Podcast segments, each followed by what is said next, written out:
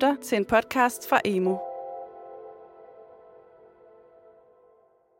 Mit navn er Christian Mejland, og du lytter til en podcast med Christian Gravgaard, som er professor i seksologi ved Aalborg Universitet. Christian har også tidligere været formand for Sex og Samfund og er i det hele taget yderst velbevandret i seksualområdet. Podcasten handler om seksualundervisning, som for skoleåret 2023-24 er blevet obligatorisk i gymnasiet. Christian Gravgaard har igennem mange år fuldt seksualundervisning i grundskolen, og vil i podcasten gå ind på nogle af de uhensigtsmæssigheder, som han mener ikke bør gentages i gymnasiet. Jeg sidder i en stue på Østerbro, og foran mig der har jeg... Vil du præsentere dig selv? Ja, det vil jeg da bestemt. Jeg hedder Christian Gravgaard, og jeg er uddannet læge, og så er jeg professor i seksologi på det, der hedder Seksologisk Forskningscenter på Aalborg Universitet. Og jeg har i mange år beskæftiget mig med seksualitet, krop, køn, kærlighed, reproduktion, familiedannelse, alle de emner der, både i et, et stort befolkningsperspektiv, men også med et særligt uh, interessefokus på unge. Seksualundervisning har været til stede i folkeskolen i mange, mange, mange år. Mm. Nu kommer der så noget nyt, hvor det også kommer til at være til stede på ungdomsuddannelser. Hvad tænker du om det? Ja, vi har haft seksuel undervisning i, i grundskolerne i Danmark i, i mere end et halvt århundrede faktisk. Øh, I 1970 blev det et øh, obligatorisk øh, element i folkeskolen. Og der var jo en lang række gode, rigtig gode faktisk, tanker øh, bag det. For det første var det meningen, at, øh, at seksuel undervisning skulle være det, der hedder et timeløst emne. Øhm, og det betød jo, at det var et emne, man forventede ville liste sig, så at sige, ind i alle fag.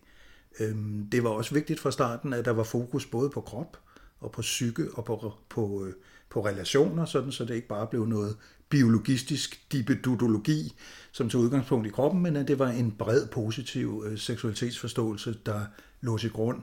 Øhm, det var også vigtigt, at der var fokus på sundhed og på usundhed, altså at det ikke var usundhed og mistrivsel og sygdomme, som skulle fylde det hele, men at seksualiteten også blev placeret i en bred, åben, positiv sundhedsramme det, det er alt det gode, der er at sige om seksuel undervisning i skolen. Så er der jo, har du nok regnet ud af vores lyttere lige så, øh, en hel række negative ting at sige. Altså træerne voksede desværre ikke ind i himlen, sådan som man forestillede sig øh, først i 70'erne. Vi ved desværre fra rigtig meget forskning, at seksuel undervisning i grundskolen hænger i laser. Og det er jo indlysende nok øh, meget problematisk, og det er jo det, vi for enhver pris skal undgå øh, sker på ungdomsuddannelserne.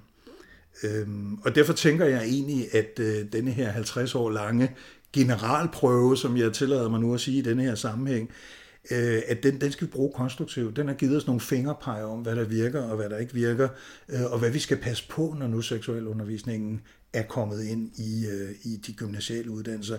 Altså for det første, det er vigtigt, at, at indsatsen ikke fald, falder mellem alt for mange øh, stole, fordi så forsvinder den.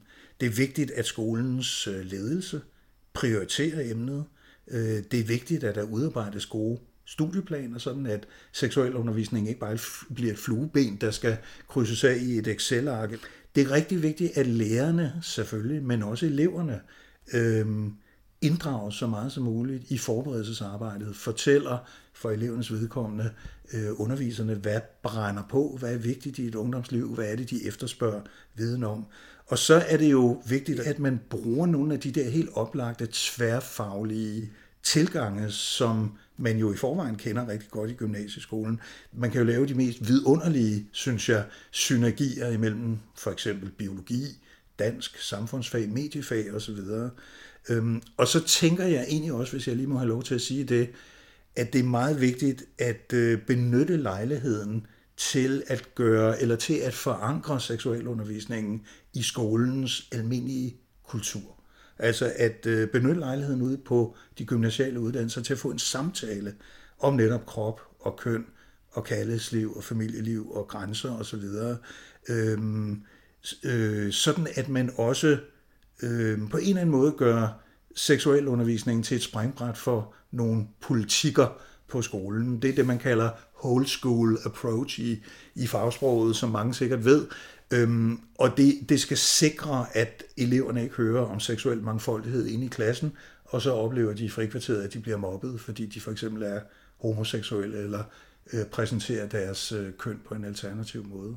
Hvorfor er seksualundervisning relevant på ungdomsuddannelser? Jeg tror, man kan sige, at det helt øh, lavpraktiske svar på det, det er jo øh, teknisk, nemlig at den, det vi kalder den mediane debutalder i Danmark, altså det tidspunkt, hvor halvdelen af en ungdomsårgang har haft deres første seksuelle samlejeerfaringer, øh, den ligger jo, har ligget i temmelig mange år på 16-17 år.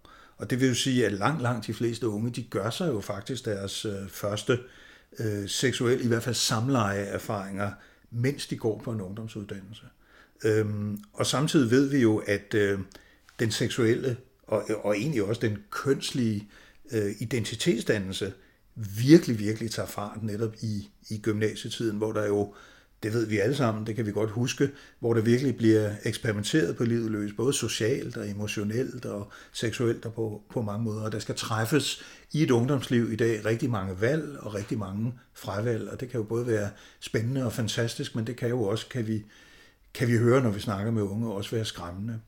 Øhm, jeg synes også, det er vigtigt at sige, at, at man jo kan se i, i forskning, at rigtig mange teenager og rigtig mange unge er virkelig, virkelig utilfredse med deres egen krop det er jo et, et øh, synes jeg, øh, ildevarslende tegn, som, som på mange måder egner sig til at blive, blive belyst i en god, konstruktiv, nysgerrig øh, seksuel undervisning. Vi, vi ved også, at rigtig mange unge ser porno, og sikkert i for nogens vedkommende undrer sig en del over det, de ser.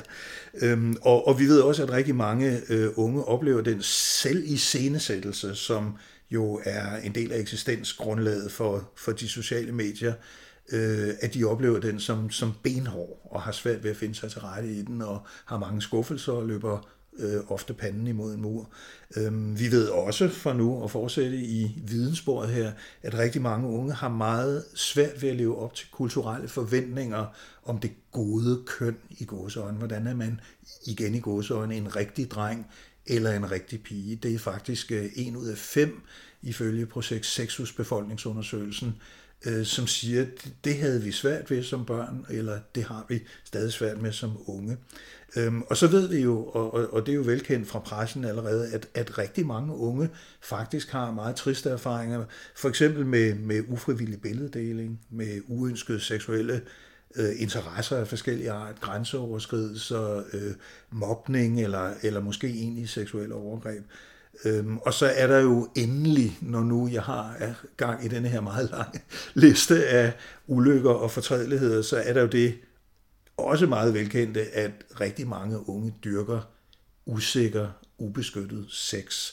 Det er faktisk sådan, kan vi se på sex undersøgelsen at øh, omkring halvdelen af de 15-24-årige har dyrket usikker sex mindst en gang inden for det seneste år, og, og en del af dem vil jo opleve, at de bliver ufrivilligt gravide eller får en sexsygdom. Ikke? Så der er en lang række både, kan man sige, positive og negative begrundelser for, at øh, gymnasietiden er øh, det helt rigtige tidspunkt at snakke om, om de her emner, fordi det bliver meget relevant, meget presserende, meget personligt for de unge på det her tidspunkt. Ja, det, det sjove er jo faktisk, at øh, de, de ministerielle rammer, som er udstukket her, de er jo ekstremt løse og ekstremt øh, øh, sparsomme, og, og rigtig meget ansvar er lagt på den enkelte skole. Og det synes jeg jo som, som udefra kommende jagttager er rigtig spændende og giver nogle unikke muligheder for, at man på den enkelte skole ligesom kan præge seksuel undervisning. Selvfølgelig er der også en fare indbygget i det, fordi det kan betyde, at øh, seksuel undervisning ikke rigtig bliver samlet op og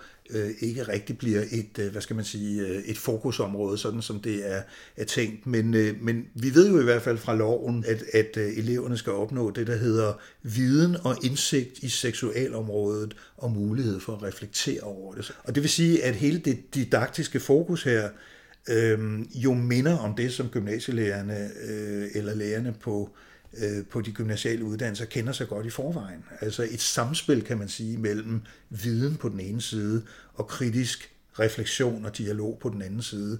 Øh, alt sammen for, at man undgår det som et, et vidunderligt udtryk, som er udviklet af at den hollandske skoleforsker, som mange sikkert kender, der hedder Gert Biesta, han taler om det her dejlige begreb, han kalder for learnification, altså det her næsten sådan karikerede fokus på bare at lære for lærings egen skyld. Det er det, vi gerne skulle undgå. Vi vil gerne have, at seksualundervisningen på ungdomsuddannelserne ikke bare kommer til at handle om faktuel viden, men også handler om engagement, kritisk refleksion osv. Alt det, som de gymnasiale uddannelser jo i forvejen er bygget på, så det vil jo næppe være nogle af lærerne derude fremmede. Så tror jeg, at man kan sige det sådan, at det vigtige her, det er, at vi sikrer tre ting. For det første kvalificering, altså det der helt sådan lavpraktisk vigtige i, at øh, eleverne på ungdomsuddannelserne får viden og får færdigheder. Men så skal vi også sikre socialisering. Altså vi skal også være gode til at øh, øh, sikre os, at de unge faktisk kan begå sig i sociale fællesskaber, også når det handler om sex, også når det handler om krop, også når det handler om køn. Og så som det sidste, så skal vi sikre os, at vi også arbejder med subjektivering, altså at de unge også bliver engagerede og ansvarlige subjekter ude i verden. Ikke? Og det lyder selvfølgelig meget nemt, når jeg sidder og siger det her, men øh, jeg er sikker på, at, at alle lærerne derude godt ved, hvad det er, jeg taler om, for det er jo det, vi langt hen ad vejen gør i, i forvejen. Når det så handler om indholdet i, i den seksuelle undervisning, som vi skal til at give ude i gymnasieskolerne nu, så synes jeg, det er meget vigtigt, at vi tænker sådan, som vi altid gør inde i mit fagfelt, i seksologiens fagfelt, nemlig biopsykosocialt. Og at vi husker, at alting nok udspringer i kroppen, men det udfolder sig også i mentale landskaber og øh, kulturelle, relationelle, sociale rum. Ikke? Og det gør det hele tiden og samtidig. Ikke? Øhm, kort sagt, det er vigtigt, at øh, de unge lærer noget om vores fantastiske krop, øh, alt det den kan, øh, alle de fuldstændig vidunderligt fascinerende mekanismer, som på en eller anden måde knytter sig til kroppen og kønnet og seksualiteten. Øhm, så skal de også have lejlighed til at reflektere over seksualitetens og kønnets betydning for personligheden, identiteten, livskvaliteten osv., sådan et mere psykologisk perspektiv, øh, og i øvrigt også al den diversitet, der knytter sig til den identitetsdannelse. Det ved vi jo mere og mere om, og vi ved, at rigtig mange unge befinder sig i et meget mere mangfoldigt øh, landskab af køn og relationer og seksualitet, end jeg for eksempel gjorde, da jeg var ung i 1970'erne. Og endelig, som det sidste ben i den biopsykosociale tilgang, så er det jo selvfølgelig også rigtig vigtigt, at de unge få mulighed for at diskutere seksualitet, køn osv. i relationer, i, i, i sociale netværker, i et samfunds- og kulturperspektiv. For eksempel kunne det være, at man kunne diskutere øh, hele denne her mainstreaming af pornografi ind i populærkulturen. Altså det her øh, seksualiserede medielandskab, som unge vokser op i nu, det øh, skriger der næsten på en kritisk refleksion, for eksempel i samfundsfag, eller i mediefag, eller i dansk. Det kunne også være, at man kunne diskutere seksuelle spilleregler, grænser, integritet, samtykke, som vi jo ved, at rigtig mange unge heldigvis går rigtig meget op i, ikke mindst efter, at vi har fået en samtykke baseret voldtægtslovgivning i Danmark. Rigtig mange unge synes, det er vigtigt og fornuftigt, men jeg har også hørt mange unge, som siger, men hvad betyder det i virkelighedens verden? Hvordan skal vi agere? Hvor, hvad må vi, hvad må vi ikke? Hvornår skal vi i tale sætte ting? Hvornår det nok at lade kroppen tale selv osv.? Og det er klart, det kan gymnasiet ikke løse for de unge, men det kan skabe en, et trygt rum og en platform for at diskutere nogle af de her ting på en konstruktiv måde. Hvad tror du, vi får ud af, at undervisningen bliver obligatorisk? Altså, jeg synes, at det er en enorm sejr for, hvad skal man sige, mange, mange års øh, lobbyarbejde, både fra øh, fagfolk, fra lærere, fra sådan nogle forskere som mig, fra NGO'er, fra ikke mindst eleverne selv, øh, for at få seksualiteten øh, formaliseret på dagsordenen i gymnasiet. Jeg tror faktisk, at det er rigtig fint, at det her nu er blevet en skalopgave, men også, at der er lagt op til en meget betragtelig grad af lokal frihed, som det hedder, øh, i, i, i betænkningen. Altså, at, at man i meget høj grad på den enkelte skole kan gøre op med sig selv, hvad giver mening her, øh, i, et, i et tæt øh, samspil med eleverne selvfølgelig. Øh, jeg synes, det er vigtigt, når man læser retningslinjerne fra ministeriet, at huske hinanden på, at øh, den her indsats kan ikke klares med en temadag. Den kan ikke udliciteres til nogen andre uden for skolen. Det kan ikke gøres med en ekstern oplægsholder, uanset hvor dygtig han eller hun er, som kommer ind og holder et foredrag. Altså seksualundervisningen skal integreres i de enkelte klassers studieplaner, og det synes jeg forpligter på en vanvittig spændende måde. Altså jeg synes, det her er en gigastor og meget, meget øh, saftig og sød appelsin, der er faldet ned i gymnasieskolens øh, turban. Øhm, og jeg synes også, det er vigtigt, at vi ikke begår de samme fejltagelser, som man, må jeg desværre sige, gennem et halvt århundrede nu har begået i grundskolen. Altså, at der aldrig rigtig udvikler sig en seksualundervisningsfaglighed det er ret vigtigt, at der udvikler sig, får lov til at udvikle sig en faglighed, måske også med tilhørende forskning og monitorering på området her. Det er aldrig sket, desværre i folkeskolen. Der er ikke nogen seksuel underviserforening, øh, der er ikke rigtig nogen faglige møder, der er ikke rigtig nogen øh, undervisning på, på læreruddannelserne osv. Jeg synes virkelig, det er vigtigt, at vi tager ved lære af den triste erfaring. Øhm, det er også vigtigt, at vi undgår, sådan som det er sket i grundskolen, at ansvaret bliver fordelt på så mange hænder, at, øh, at undervisning så at sige øh, fuldstændig forsvinder til sidst. Ikke? Vi har virkelig en gylden mulighed her, og jeg håber og tror bestemt også, at alle de der dygtige og engagerede gymnasielærere, der er derude, at de vil tage, tage udviklingen op. Og i hvert fald ved vi jo, øh, Øh, med usvigelig sikkerhed, at eleverne vil, fordi det er jo i høj grad på deres initiativ, at den her undervisning nu bliver obligatorisk. Det er dem, der har presset på for at få seksuel undervisning. Jeg var faktisk selv ude og holde et foredrag for mange hundrede elever øh, for to dage siden på en stor, øh, et stort øh, københavnsk øh, gymnasium.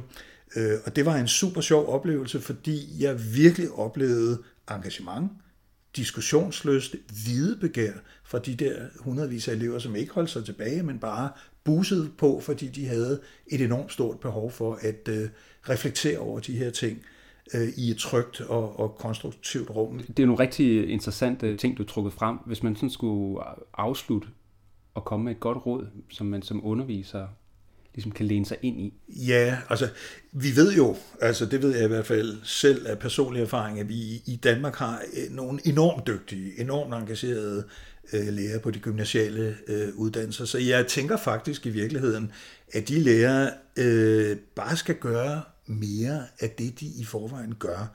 Altså de skal tænke innovativt, de skal tænke ud af boksen, både emnemæssigt og også pædagogisk, didaktisk selvfølgelig. De skal samarbejde om, om gode, spændende, engagerende, udfordrende, innovative, øh, tværfaglige forløb.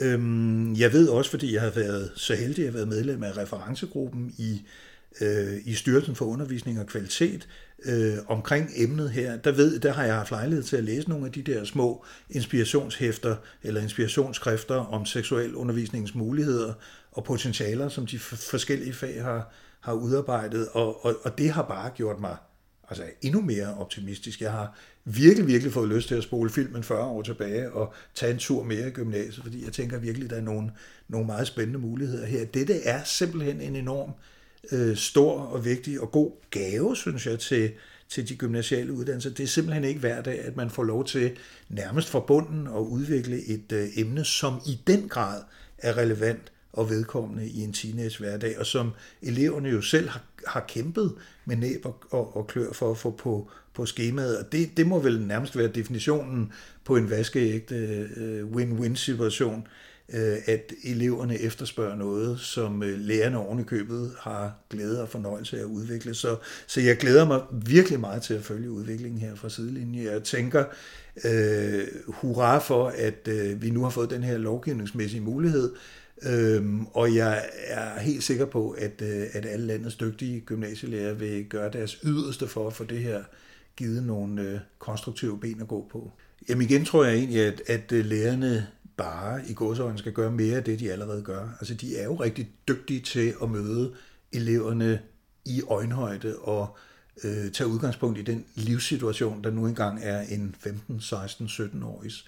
Øhm, det bliver så endnu vigtigere her, kan man sige, fordi det her trods alt er lidt sensitive, øh, ofte meget personlige emner, øh, så der, der er det om muligt endnu vigtigere at det gør sig umage for at tage udgangspunkt i et levet liv, og ikke bare i en eller anden abstrakt eller øh, ukonkret øh, øh, faglig målsætning. Ikke? Og det må man jo primært gøre ved at øh, lodde stemningen i klassen år for år og klasse for klasse, men jo også ved øh, aktivt at involvere eleverne i planlægningen af arbejdet. Jeg, min drøm kunne jo være, at man øh, på de enkelte skoler nedsatte et panel måske, hvor øh, øh, relevante og interesserede lærere sammen med en, en eller flere repræsentanter for ledelsen og øh, en eller flere repræsentanter for elevgruppen diskuteret, hvad giver egentlig mening her?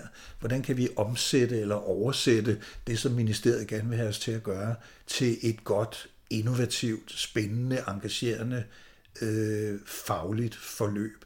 Er der nogle pejlemærker, man sådan kan sigte efter? Jeg tror, det er meget vigtigt med kontinuitet, og jeg tror, det er vigtigt, at øh, emnet bliver prioriteret i en grad, så det ikke sådan kommer bag på lærerne eller på ledelsen øh, kort før studiestart hvert år, at hov, øh, ups, vi skal også lige huske at få seksuel undervisning hæftet på et eller andet fagligt forløb, som i forvejen kører. Altså det er vigtigt, at der nedsættes en eller anden form for mere eller mindre permanent panel, som består både af lærere, af ledelse, af elever, ikke mindst øh, måske også forældre i, i den udstrækning, det kunne være relevant. Så det, det er vigtigt, at der er en eller anden også formaliseret struktur omkring det her, sådan at, øh, og, og det starter jo alt sammen hos ledelsen, kan man sige. Det er ledelsen, og det står også i de ministerielle retningslinjer her, det er ledelsen, som skal sikre, ligesom på så mange andre punkter, at det her bliver til virkelighed. Ikke? Jeg vil sige tak for en meget interessant samtale. Er der noget, du vil tilføje? Nej, det er der egentlig ikke. Jeg synes, vi har været vidt omkring, og jeg er meget glad for at få lov til at være med her, og jeg synes, at øh, det øh, er en unik gave, de har fået her, så jeg håber, de vil åbne den op og undersøge den og bruge den. Tak for det. Selv tak. Du har lyttet til en podcast fra Emu.